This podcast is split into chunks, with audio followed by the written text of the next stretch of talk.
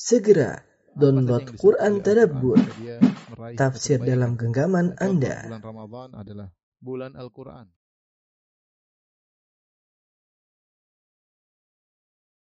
Alhamdulillah nahmaduhu wa nasta'inuhu wa nastahdihi wa natubu ilaih wa na'udzu billahi min shururi anfusina wa min sayyiati a'malina. May yahdihillahu fala mudilla lahu wa may yudlil fala hadiya lahu. An la ilaha illallah wahdahu la sharika lahu. وأشهد أن محمدا عبده ورسوله لا نبي بعده. يا أيها الذين آمنوا اتقوا الله حق تقاته ولا تموتن إلا وأنتم مسلمون. فإن أصدق الحديث كتاب الله وخير الهدى هدى محمد صلى الله عليه وسلم. وشر الأمور محدثاتها وكل محدثة بدعة وكل بدعة ضلالة وكل ضلالة في النار. معاشر المسلمين أوصيكم ونفسي بتقوى الله فقد فاز المتقون. Sungguhnya Allah Subhanahu wa taala menjadikan kehidupan di atas muka bumi ini terkontaminasi dengan hal-hal yang tidak menyenangkan para hamba. Tidak ada seorang pun hidup di atas muka bumi ini dengan kehidupan yang mulus, tanpa kesedihan, tanpa kekhawatiran, tanpa ketakutan, tanpa kecemasan. Itu adalah hal yang merupakan kemustahilan. Karena Allah Subhanahu wa taala menjadikan dunia ini adalah darul bala, darul ibtila, tempat untuk menguji manusia sekalian. Allah Subhanahu wa taala berfirman, "Wa huwal ladzi khalaqas samawati wal arda fi sittati ayyamin wa kana 'arshuhu 'alal ma' liyabluwakum ayyukum ahsanu amala." Dan dialah Allah Subhanahu wa taala yang telah menciptakan langit dan bumi. Allah ciptakan langit dan bumi untuk apa? Liyabluwakum ayyukum ahsanu amala. Ini adalah semua sarana untuk menguji kalian mana di antara kalian amalan yang terbaik. Tabarakalladzi biyadihi al-mulku wa huwa ala kulli syai'in qadir. Alladzi khalaqal mauta wal hayata liyabluwakum ayyukum ahsanu amala. Dialah Allah Subhanahu wa taala yang menciptakan kematian, menciptakan kehidupan. Untuk apa? Liyabluwakum ayyukum ahsanu amala. Untuk menguji kalian mana di antara kalian terbaik amalannya. Maka Allah liyadharul mu'minina ala ma antum alaihi hatta yamizal khabitha min at-tayyib. Allah tidak akan biarkan kita begini saja. Allah ingin menguji agar Allah mengetahui mana yang baik dan mana yang buruk. Maka Allah liyadharul mu'minin ala ma antum alaihi. Allah tidak akan biarkan kalian begitu saja. Kalian sudah ngaku beriman, pasti diuji. Ahasiban nasu ayutraku ayyakulu amanna wa hum la yuftanun. Apakah manusia menyangka mereka dibiarkan berkata kami telah beriman lantas mereka tidak diuji? Sungguh kita semua akan diuji. Oleh karenanya setiap kita pasti pernah diuji, bahkan ada yang sedang diuji dan setiap kita akan menuju kepada ujian, perkara yang menyedihkan, perkara yang menakutkan, yang mengkhawatirkan, semua mengalaminya. Siapa yang ingin hidup tanpa ada itu semua, maka dia hanya mengharapkan kemustahilan. Dia hanya sedang bermimpi dan itu tidak akan mungkin terjadi. Ma'asyiral muslimin yang dirahmati oleh Allah Subhanahu wa taala. Allah telah menegaskan hal ini dalam firman-Nya, "Laqad khalaqnal insana fi kabad." Sungguh kami telah menciptakan manusia dalam kepayahan, yukabidul hayat, menghadapi kesulitan hidup. Tidak ada yang selalu tertawa, tidak ada yang selalu tersenyum, tidak ada. Siapa pun orangnya. Buat apa ini semua?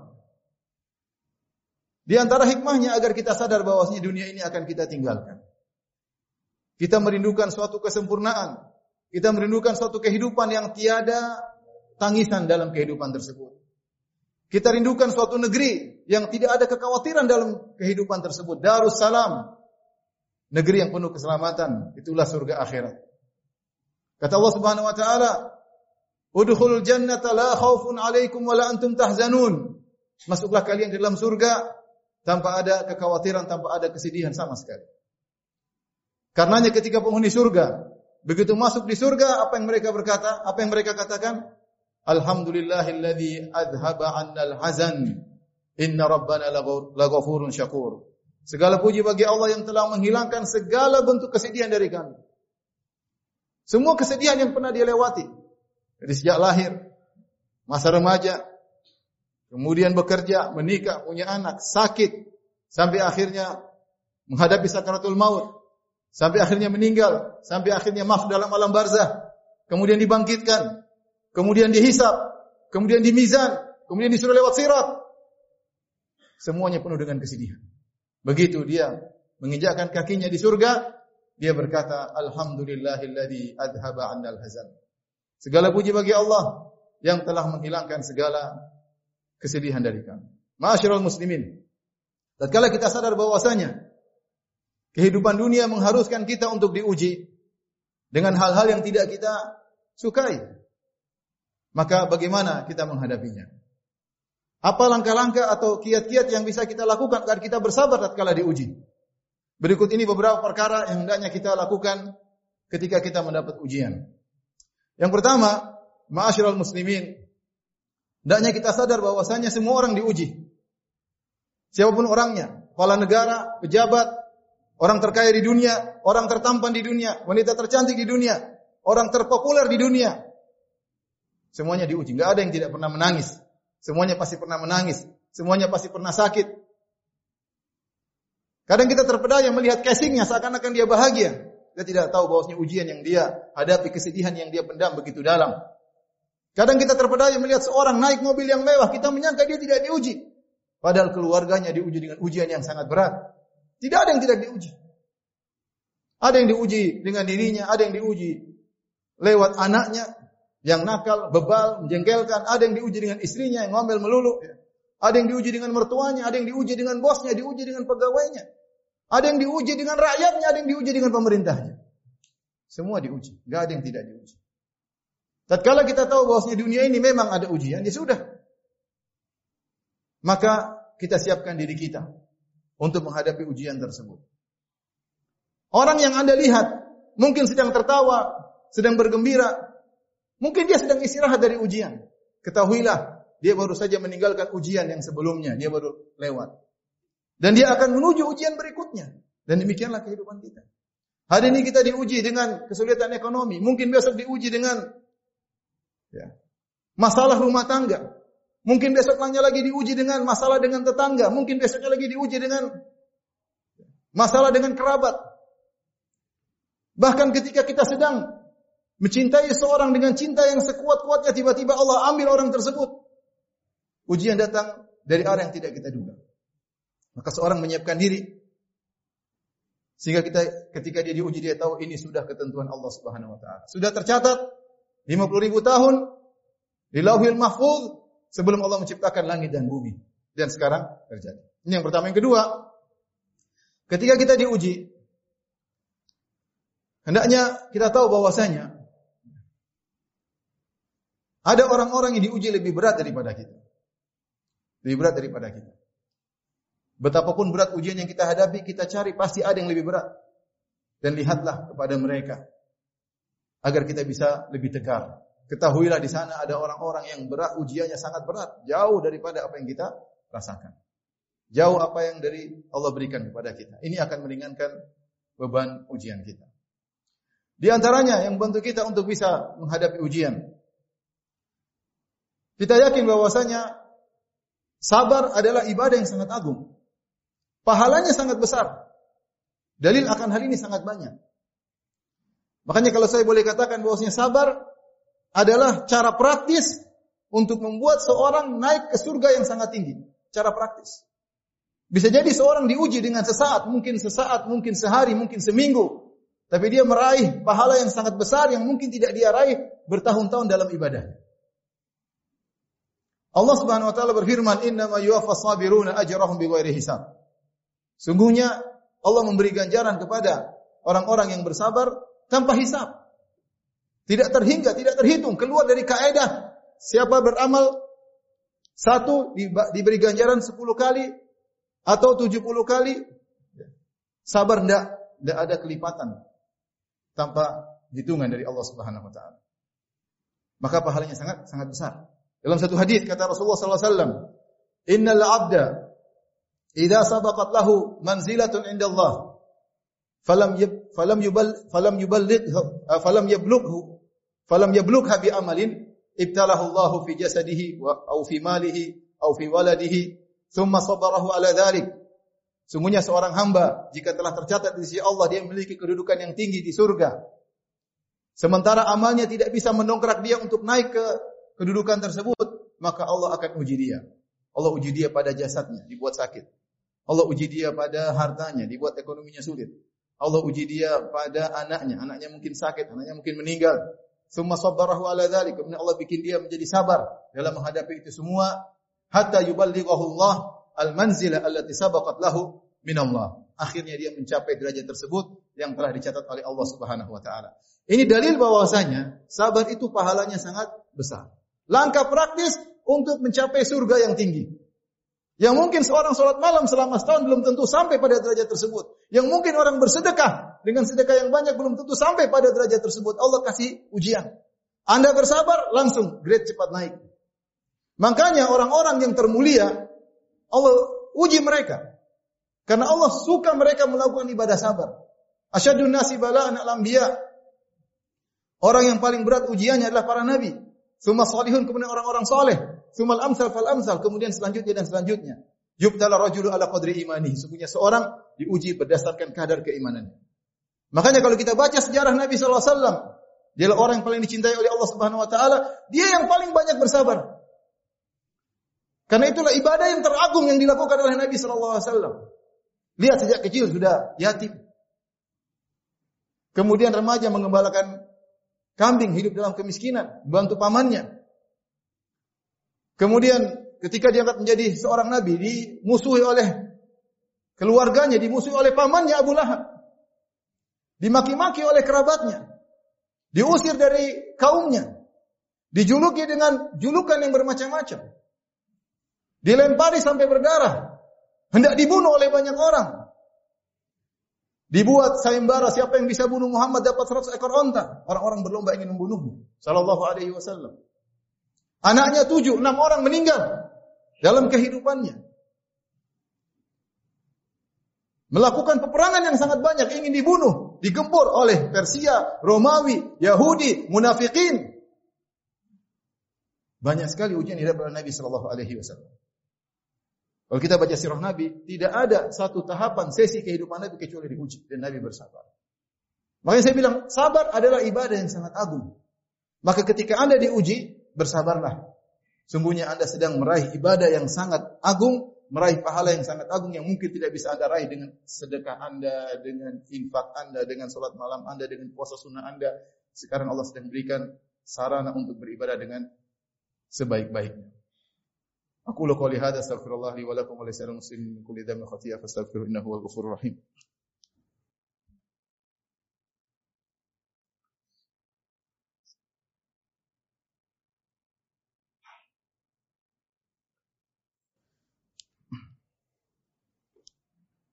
Alhamdulillah ala ihsani wa syukru lahu ala taufiqihi wa amtinani. Asyhadu an la ilaha illallah wahdahu la syarika lahu ta'ziman li sya'ni wa asyhadu anna Muhammadan abduhu wa rasuluhu da'ila ridwani.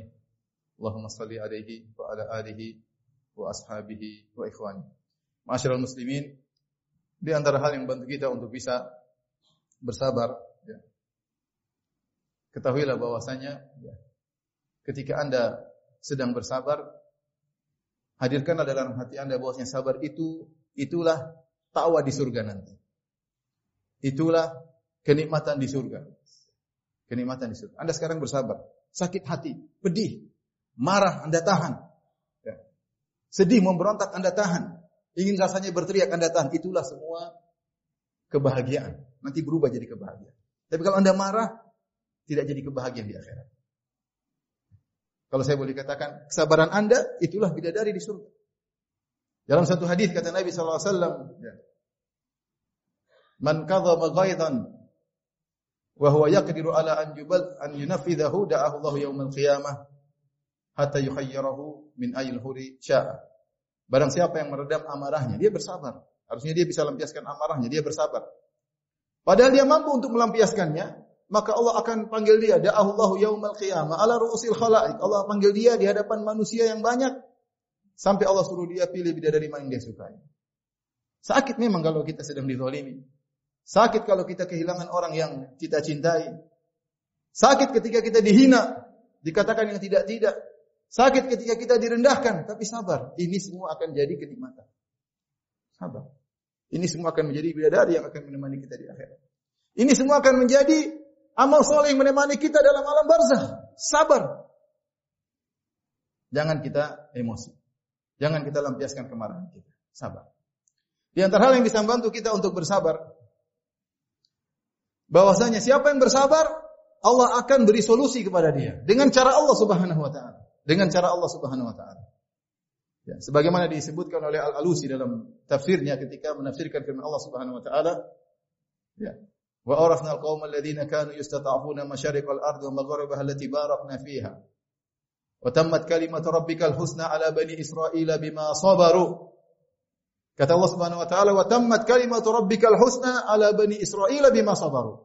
Maka telah sempurnalah janji Allah Subhanahu wa taala terhadap Bani Israel yaitu Allah selamatkan mereka dari cengkeraman Firaun yang sebelumnya mereka diperbudak, dibunuh, disiksa. Allah selamatkan mereka. Kenapa? Kata Allah bima sabaru.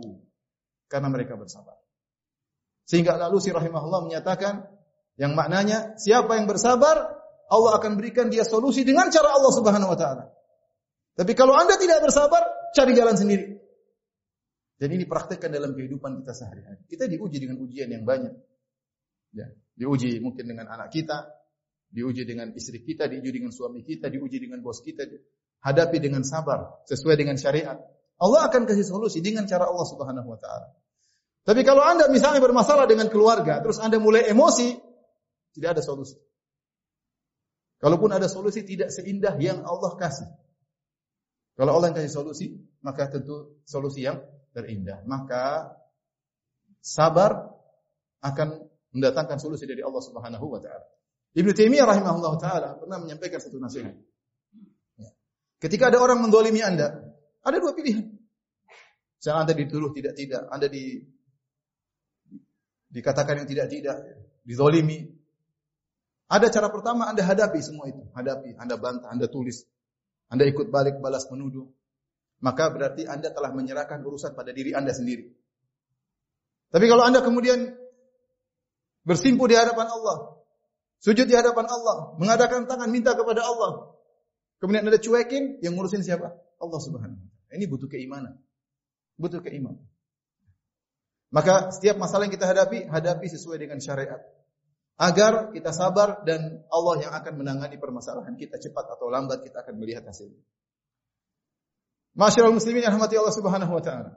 Yang terakhir yang saya sampaikan pada kesempatan kali ini agar kita bersabar, Allah mengatakan inna ma'al usri yusra. Sungguhnya bersama kesulitan ada kemudahan. Inna ma'al usri yusra. Sungguhnya bersama kesulitan ada kemudahan. Setiap kita menghadapi kesulitan, tengoklah kondisi kita, pasti ada kemudahan bersama dengan kesulitan tersebut. Sebagai contoh misalnya seorang dia mungkin naik mobil bersama keluarganya, tahu-tahu terjadi kecelakaan. Ya mungkin, mungkin mobilnya rusak. Tapi dia lihat dirinya masih selamat, alhamdulillah. Ada kemudahan. Anaknya masih selamat, istrinya masih selamat. Ya. Atau mungkin terkena musibah di keluarganya, ternyata ada yang meninggal. Ada kemudahan di sekitarnya, alhamdulillah. Mungkin anaknya saja yang meninggal, istrinya tidak. Mungkin orang tuanya saja yang meninggal, sementara anak istrinya tidak. Lihat pada sisi-sisi yang lain. Kenikmatan yang Allah berikan kepada kita di tengah-tengah musibah tersebut. Itu adalah kemudahan yang Allah berikan kepada kita. Dan itu langkah awal untuk kita bisa menghadapi musibah yang Allah sedang berikan kepada kepada kita. Dan jangan lupa ketika kita ditimpa musibah langsung kita ucapkan inna lillahi wa inna ilaihi raji'un. Ya Allah kita ini milik Allah dan kepada Allah kita akan kembali. Alhamdulillahi ala kulli hal. Segala puji bagi Allah atas segala keputusannya, atas segala kondisinya. Inna Allah malaikatahu yusalluna ala nabi ya ayyuhalladzina amanu sallu alaihi wa sallimu taslima. Allahumma salli ala Muhammad wa ala ali Muhammad kama sallaita ala Ibrahim wa ala ali Ibrahim innaka Hamidum Majid wa barik ala Muhammad wa ala ali Muhammad kama barakta ala Ibrahim wa ala ali Ibrahim innaka Hamidum Majid. Allahumma ighfir lil muslimina wal muslimat wal mu'minina wal mu'minat al ahya'i minhum wal amwat innaka samiun qaribun mujibud da'wat wa ya qadhiyal hajat.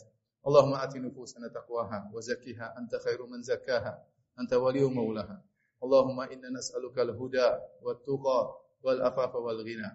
ربنا ظلمنا أنفسنا وإن لم تغفر لنا وترحمنا لنكونن من الخاسرين. ربنا آتنا في الدنيا حسنة في الآخرة حسنة وقنا عذاب النار.